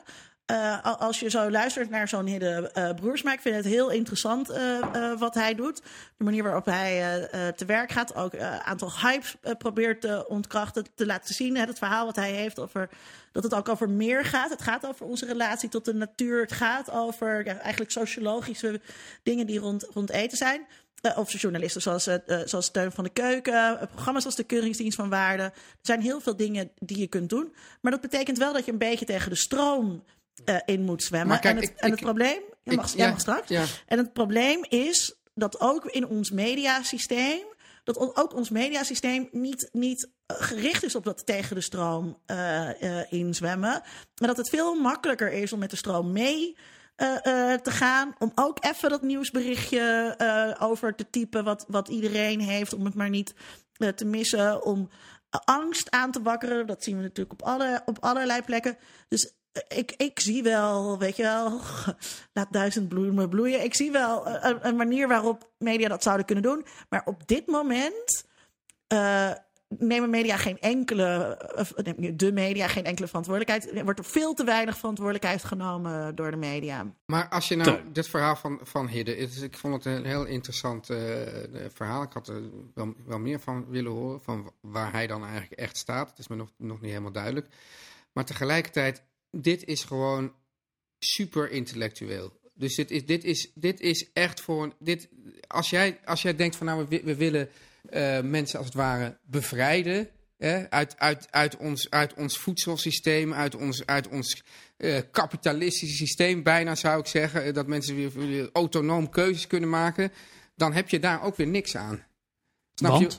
Nou, omdat dit is, dit is, dat is voor zo'n kleine eh topla... Weet je, zo'n nieuwsberichtje is lekker om te lezen. Maar als ik inderdaad dan, dan eh, op, op zaterdag eh, zo'n verhaal ga lezen... over wat nou het werkelijke onderzoek was naar die wijn... Ja, hoeveel mensen denk je dat dat, dat gaan doen? En, dan, en wat gaan ze daar dan vervolgens... Dan, dan ga ik in het café zitten en dan zeg ik... Nou, het is toch niet waar van die wijn. Dat is dan de enige samenvatting die ik zo ongeveer eh, dan weer heb. Snap je wel? Dus Wat dat, een heerlijk gesprek is om bij een wijntje te voeren. Zeker, ja. Maar dus... dus eh, Maar omdat je als, als, als mediamaker toch niks kan veranderen, heb je dan ook een, Nou ja, een kleine kijk, verantwoordelijkheid ik of een kijk, kleinere? Ik denk, kijk, ik denk, kijk, ik denk wel. Kijk, wat, kijk, laat ik het zo zeggen. Ik heb bijvoorbeeld, ik heb niks tegen die grote bedrijven. Ik denk dat ik, ik geloof ook niet eh, dat je dat mensen al, alles zelf moeten verbouwen enzovoort. Ik denk dat het wel echt veel beter voor iedereen zou zijn als hij gewoon zelf zou koken. Als hij gewoon, als hij gewoon alle ingrediënten die hij in zijn pan stopt kent. Dat is eigenlijk, dat is eigenlijk, dat is eigenlijk mijn, mijn basisregel voor alles. En ook als je gewoon op verpakkingen kijkt. eh, Maar je bedoelt als je alle ingrediënten kent, want als je inderdaad zelf iets maakt, dan Ja, weet dan denk je, gewoon, ik doe- gooi twee scheppen suiker bij de lasagne saus, want dat is hartstikke lekker. ja, maar, dus, maar niet eh, allemaal eh xantaangom en weet ik van waarvan je denkt, wa- wat is dat nou Maar eigenlijk? even de E304 erbij voor. Ja, nou, dat is trouwens ook interessant. Daar, daar, ga ik, daar wil ik ook binnenkort een, stuk over, een stukje over schrijven. Namelijk, wat, ze, wat, de- wat bedrijven nu doen, is mensen zijn nu bang voor één nummers. Dus wat doen ze nu? Ze zetten nu gewoon weer de volle het product, ja. Ja, en dan denken mensen, oh, nou ja. Citroenzuur heeft een E-nummer. Ja, Ja, ja, We hadden maar- trouwens graag eh, Rosanne Hertzberger willen interviewen. Ja, nou eh, ben voor- ik dus eh, ook dit. fan van. Ja. Maar ehm, Rosanne Hertzberger voor de luisteraar die zegt, er is niks mis met de E-nummers. Ja. En citroenzuur is hartstikke fijn als je wil dat je appel niet meteen eh, vijf minuten En buiten, veel de, vitamine C zit. eh, buiten de schil bederft. Ja, maar niemand heeft tekort aan vitamine C. Dus dat is. eh, maar, maar, maar dat is eigenlijk. Kijk, eigenlijk, dus los van al. Kijk, ik, ik denk gewoon. Kijk, en de meeste van die, eh, van, die, van die pakjes en zakjes zijn werkelijk overbodig. Omdat dat eigenlijk alleen maar gewoon een hele dure pakjes kruiden zijn. Ja. Hè? Dus, eh, ja, ik weet niet of jullie mijn favoriete voorbeeld kennen van eh boerenomelet met ui en prei. Zelf, Zelf toevoegen, ui, en prei en ei. Alles dus Ik, eigenlijk. ik, ik zag, ik zag een zakje kipkruiden liggen wat gewoon voor 80% zout is. Juist. En 15% Maar paprika dat komt dus, dat komt dus, dus, dus, dus eh, ja, nu, nu komen we misschien wel ergens. Het komt dus omdat wij hebben eh, voedselangst of kookangst. Terwijl het eigenlijk echt allemaal helemaal niet zo moeilijk is.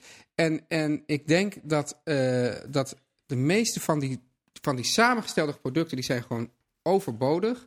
Want het, wat eigenlijk het enige wat je koopt is dus zakje zout met een recept erop. En dan denk je, oh dat is handig, nou zo moet ik het maken. Dat is, dus, dat is dus wel waar. Want toen ik eh, op een gegeven moment ben ik inderdaad gestopt met. Ik ben, kom uit een gezin waar alles uit de pakjes en potjes eh, was.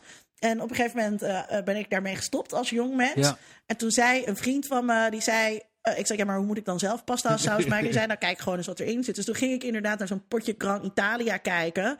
Nou, er zitten zongedroogde tomaatjes in en citroensap. En, ik ben eh, ook via de Knor Wereldkeuken en- en- inderdaad gaan en- dat kan vast lekker. En eh, eh, eh, mascarpone, Ja, want dat is eh, hartstikke lekker als je dat door je tomatensaus gooit. En het is veel lekkerder als je, als je dat zelf maakt. En dat kan je gewoon, want je kan dus gewoon Ja, al die is- ingrediënten ook Maar in is dat dan, kijk, dus, dus ik denk dus dat we dus dan, dan, dan dat als, als wij dus allemaal gewoon die over onze voedsel- en kookangst heen stappen, dan kunnen we dus, dan kunnen we dat hele schap gewoon de deur uit doen. En eh, Ja, maar we krijgen toch ook het gevoel dat mensen ontzettend veel deugd hebben bij de waardering voor klassieke muziek. En dat ze toch wat vaker naar het museum moeten. En dat hardlopen goed is. en ja, dat er een, dat er een ontzettende zendingsdrang eh, eh, Nee, maar we z- zijn, we zijn, zit. de, de, de, de, de, de, de tijd die wij in de keuken doorbrengen is alleen maar, die, die, die is ongeveer verwaarloosbaar geworden. Die is alleen maar achteruit gegaan. Ja, maar de producten die je ook in de magnetron kan zetten zijn verbeterd. Maar tegen de, de tijd dat je staat te wachten tot dat je spaghetti zeg maar kookt. eh, eh, dat het water kookt en dat dan dus- nadat die spaghetti klaar is. In die tijd kan je echt heel makkelijk een uitje snipperen en een, en een tomaat verpulveren en dat, en dat, en dat doen. Hé, hey, maar Vincent, Ja. wat denk jij dat media ze- zouden kunnen doen als het gaat over Nou, verantwoord eten? dat- wat, kijk, ik vind dat cont- eh, producenten moeten gewoon eerlijk op een product zetten eh, wat, wat, maar wat, eerlijk, wat erin ja. zit. Hè? En eh, dan moet je het zou niet sowieso gaan... fijner zijn Nee. als iedereen in de wereld eerlijker was. Nee, maar ik vind dat je best regelgeving moet hebben dat als iets suiker is, dat je het suiker noemt. En als iets vet is, dat je het vet En noemt. vind je dat, En- ben je bijvoorbeeld voor een, voor een stoplichtsysteem op de verpakking? Nou, kijk... elk Wat is het pro- stoplichtsysteem? Een stoplichtsysteem is gewoon dat, dat, dat, dat je dus, eh, dat, in Engeland hebben ze het voorbeeld dat Ja. je dus op de voorkant van de verpakking heb je dus eh, gewoon ja, maar, eh, rood, groen, oranje. Op een dus vet, eh, er zit, dan, als er dus te veel vet in zit, is dat rood. Als er te veel suiker in, zit, is dat rood. En dan kan je dus in één oogopslag Maar zien... moet je dan op volle melk rood zetten? Omdat er veel vet in zit? Nou, dat weet ik niet. Nou ja, maar Ja. dat is de vraag natuurlijk. Want eh, drink een half glas volle melk, want dat is misschien wel veel lekkerder Maar goed, dan kijk, dat je maar die... het- ik, ik vind het eigenlijk oninteressant om het idee eh, nu eh, al dan niet eh, eh, eh, te ondersteunen aan de hand van één voorbeeld. Ik bedoel, daar, daar kan je... Eén product is geen product. nee, maar goed, daar kan je, daar kan je, daar kan je, al, daar, daar, daar, daar kan je heus wel uitkomen. Maar vind je het in een principieel eh, een goed idee of niet? Ja, ik vind dat een goed idee. Eh, maar ik gelijk de kanten. We hebben natuurlijk kiesbewust en betere keuze en wat dan ook. Ja, die komen goed. allemaal uit de industrie. Ja. En die hebben allemaal weer een eigen belang daarin. Ik vind dat consumenten op de hoogte moeten zijn. Daarna moeten consumenten. En ignorance is bliss. Maar Doe consumenten het lekker kunnen, niet. consumenten kunnen alleen maar op de hoogte zijn als journalisten hun werk wat dat betreft uitvoeren. Nee, helemaal niet. Want er zijn Nee, wel, 80. nee, je heel kunt- veel mensen die lezen dat soort dingen helemaal kunt niet. niet En die als- zijn niet Je geïnteresseerd. kunt niet als, als consument naar Italië gaan om uit te vinden of de Bertolli-reclame klopt. Ja, maar dat, Daar daarmee heb je een bedien journalist je. voor nodig. Ja, maar daarmee bedien je een hele kleine stedelijke bovenklasse die zich daarvoor interesseert. Eh, probeer mijn, mijn, Ja, maar- mijn maar- geliefde drinkt sojamelk. Ga maar eens 30 kilometer buiten Amsterdam en vraag dan nog maar eens een keer om er sojamelk in je genoeg koffie. veganisten buiten Amsterdam. Ja. hoor. Die zitten ook in Nijmegen en Groningen.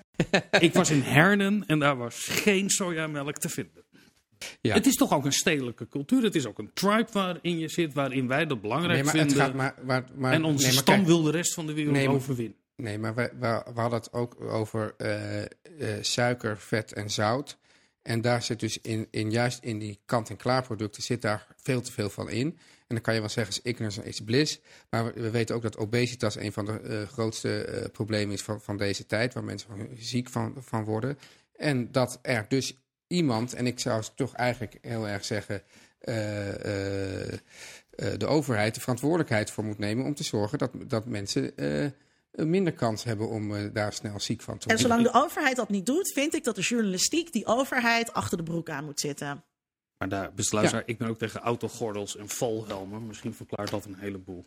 Dit was aflevering 72 van de podcast onder mediadoktoren. Dus wat moet ik nou doen, eh, Vincent, dan, als journalist nu? J- Jij mag als journalist. eh, nee, maak mooi. ma- ma- maak, maak programma's waarin. Het is entertainment. Mensen hebben een aangenaam gevoel van ophef. Dus jij zegt journalistiek over voedsel is, is puur entertainment en verder moet het gewoon elke pretentie ook eh, laten varen.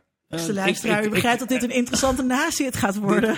Ik vind ik begreep dat er geen, eh, geen, eh, geen eh, Nee, tijdslimiet nee, nee, we, we gooien Ja. nu het draaiboek uit de deur, dames en heren. Ja, ik vind dat, dat er veel pretentie is, omdat je... it's preaching for the choir. De mensen die naar Keuringsdienst voor Waarde kijken, weet ik, dat zijn wat links-progressieve, hoger nou opgeleide mensen in een stedelijk gebied, Nou die ik- graag het gevoel willen hebben, zie je wel, ik wist dat wel, maar andere mensen weten dat niet. Dat Maar is nou- het nou plezier van het kijken. Maar, maar nou heb ik eh, afgelopen seizoen eh, eh, ook heel veel eh, bij eh Jinek aan tafel gezeten. ja. En dan blijkt dus inderdaad dat, dat, dat, dat je op het ene punt gelijk hebt. Maar op het andere punt dat het dus door, door heel veel mensen opeens wordt aangesproken. Die dan zeggen, oh nou dat wist ik niet. En, eh, en die dus nu bijvoorbeeld dan toch wel even kijken als ze dan bruin brood kopen. Of het niet stiekem wit brood is. Ja, Nou, nou, dat is toch goed? dat, dat is prachtig. Ja, dan moet je vaak daar aanschuiven. Maar op het moment dat je een Maar eigen vind het titel ook, ik hebt... vind het ook erg, Vincent, dat je zegt... dat Oké, alleen een bepaalde groep, of vooral een bepaalde groep, kijkt naar dit soort programma's. Maar dan, Eh. zou je, dus- dan kan je dus eigenlijk... Dan kan je eigenlijk alles wat, wat, wat jullie als wetenschappers doen... Ja. kan je ook het raam uitvallen. Ja, je kan toch niet Behalve, zeggen... behalve een soort fundamenteel onderzoek waar die, die eh, leidt tot eh, uitvindingen of zo. Of, of, of een, een kankermedicijn. Kan je alle andere wetenschap is ook allemaal preaching for the choir. Want dat interesseert echt verder niemand wat. Ja, maar wetenschap heeft een hele eigen dynamiek. Je bent verplicht als wetenschapper je te verhouden tot andere publicaties. Je kan het niet zomaar negeren. Dat is, dat is onderdeel is van het nou- spel. Ja, wat is dit nou van? eh, dit is nou eenmaal het systeem. Het ga, ik heb het nu over de fundamentele waarde van waar je mee bezig bent. Niet om of eh, ja, dit is nou eenmaal het systeem. Wij, wij zijn verplicht. Je bent toch geen, geen, geen eh, bonnen inklopper. Je bent Nee, toch wel dat, een, er- een dat het- wetenschapper heeft een, een, een verplichting. Ja, verplichting. Iets wordt niet serieus genomen, laat ik het zo zeggen. Het wordt niet gepubliceerd. Nee, het op het moment dat je je niet verhoudt tot wat er eerder over is gezegd. Nee, dat snap Of ik wel. Maar het het punt is nu. Dat, dat is dus heel fijn dat als je dat wel doet, dat je dan dus serieus wordt genomen door jouw eigen wetenschappelijke tribe. Ja. Maar daarbuiten word jij dus ook helemaal niet serieus genomen. Nee, maar die tribe die geen- bestaat uit mensen die het fundamenteel altijd met elkaar oneens zullen zijn. En, dat is wel een heel groot verschil tussen nee, hoe maar het het gaat- Nee, het gaat, mij om de, het gaat mij om de maatscha- het maatschappelijke, het is, eh, maatschappelijke belang van wat jij doet. En ik, jij zegt, nou jij als, als, als, eh, als journalist, dat is eh, entertainment en heeft verder eh, eh, geen waarde. Nou, dat, vind ik, dat, dat kan. Maar dan zeg ik dat, dat omdat, omdat je zegt, je praat eigenlijk alleen maar naar een bepaalde elite. Dan zeg ik, nou, dat geldt dus voor, voor, de, voor, voor, voor, voor jouw soort wetenschap al helemaal. Dus dan denk ik van ja, hoe kan jij dan eigenlijk nog überhaupt een oog dicht doen s'nachts? Als je met iets bezig bent wat zo weinig relevantie heeft. Ik Ja, maar ik dus- vind de vergelijking helemaal ik vind man dus- gaan. Nee, maar jij, jij, jij disqualificeert, zeg maar, eh, eh, dit soort eh eh, eh, eetmedia, om het, om het zo samen te ik, vatten. dis- ik, ik, ik, heb een, ik vind verstrooiing van grote waarde voor de samenleving. Nee, maar je zei, het, het is verstrooiing voor een bepaalde groep. En daarbuiten wordt het, wordt het niet gehoord. Het is preaching to the choir. Ja. En dat, dat vind ik hier geen relevante maatstaf. Dus ook al preach je maar tot een, tot een kleine groep, er zijpelt toch nog wel wat van door. Hè? Het bereikt ook andere mensen. Eh, eh, zo slecht zijn die kijkcijfers van de Keuringsdienst van Waarde helemaal niet. Eh, daar wordt redelijk veel naar gekeken. Teun schrijft ook voor, voor de Volkskrant, wat toch een soort rechtspopulistische krant is tegenwoordig. Eh, eh, nee, dus ik, ik geloof wel dat het doorcijpelt. En, en, en, en ook als het dat niet doet, hè, laat het dan, waar we het vorige keer over hebben. Hè, veel mensen willen toch ook leven zoals de hogere middenklasse leeft. Dus dat werkt dan ook wel door. Die waarde, dat, dat, dat, dat geloof ik dat het wel een beetje doorcijpelt. Dus ik vind, ik vind die disqualificatie vind ik onterecht. Het is belangrijk dat dit soort programma's gemaakt eh, eh, worden. En ik zou, wat, wat ik zei, ik zou willen dat veel meer journalisten zich dit zouden aantrekken. En wat minder journalisten zouden zeggen, wat bedrijven ook zeggen, dit is wat het volk wil. Het volk wil onzinnige nieuwsberichtjes over wijn en, ehm, en, en suiker. Ja, ik dus vind dat dat typen toch we wat- maar je- over. Je En daar hebben trouwens, wij hebben daar een verantwoordelijkheid in, Vincent. Want wij leiden mediamakers op. Luisteraar, ik weet zeker dat u aan het begin van deze uitzending dezelfde mening bent toegedaan als nu eh, na ruim een uur. Eh, eh, ik geloof niet in verheffing en verandering door de media. Misschien moeten we daar een keer over Maar, hebben. niet, een- maar de media zijn toch, die, die, die moeten toch gewoon de waakhond zijn. Die moeten toch bepaalde dingen tot de orde roepen. en vind dat, en dat een- een is in dit geval zo. Dat, dat de regering doet Nou, het bepaalde idee dingen dat wij als, als een soort waakhond hebben, die, de- dat de media daar een rol in spelen, om, ik geloof daar helemaal geen. Als, al, je moet toch aan het licht brengen wat, wat, wat We hebben alleen maar meer media en de wereld is er nou niet mooier op geworden. Ah, Ik vind dat wel, dat je echt eh, domme dingen zegt. Ja, vind je dat? Ja, ja, ja, ja, ja, ja. Ja, ja. dat, dat, dat, ja, maar als je het niet Ja. begrijpt, hoef- nodig een keer geen als je het niet begrijpt, hoef je niet te disqualificeren. En we hebben nog helemaal niet over de monitor gehad. Vincent wil heel graag een einde breien aan deze uitzending. We kunnen ook gewoon door blijven praten, Teun, om het te saboteren. Praat er gewoon doorheen en dan ga ik het tekstje er doorheen praten. Nee, nee, nee, dat, zal ik de luisteraar niet aandoen. doe, de uit, doe de afsluiting maar, Vincent. ja. Dit was aflevering 72 van de podcast Onder Mediadoktoren. Luister naar mijn rustgevende stem. Onder ik borrel natuurlijk. Dank u wel voor het luisteren. Maar denk je wel na over die dingen? We zouden het zeer verantwoord voor u vinden als u een aanbeveling zou schrijven op iTunes. Ook zo'n groot kapitalistisch systeem natuurlijk. Dat helpt anderen om ons weer te vinden. Dat zeggen we er altijd bij dat we daarom willen natuurlijk. De redactie van deze podcast bestaat uit Tom Aalmoes. Dankjewel Tom. Narien Ismail en Frederik Tijlers. En natuurlijk Linda Duits. En ikzelf, Vincent Kronen. Schrijft Linda op mijn briefje. Hartelijk dank aan ons gast, Teun. Ja. Fijn. We gaan het niet met elkaar eens worden, denk ik. Maar Nee, we zijn eh, klaar, dan, dus, eh, dan, ja, ja. we gaan, eh, Ja. we, we- we laten Het is de een beetje opnames niet lullig om het aan mailen. het einde podcast zeggen. Als hij net het einde heeft aangekondigd, dan, dan kan hij ook niks meer zeggen. Nee. We zijn er over twee weken weer. Tot dan. Onder Mediadoktoren is een podcast van Vincent Kronen en Linda Duits. Meer informatie vindt u op ondermediadoktoren.nl.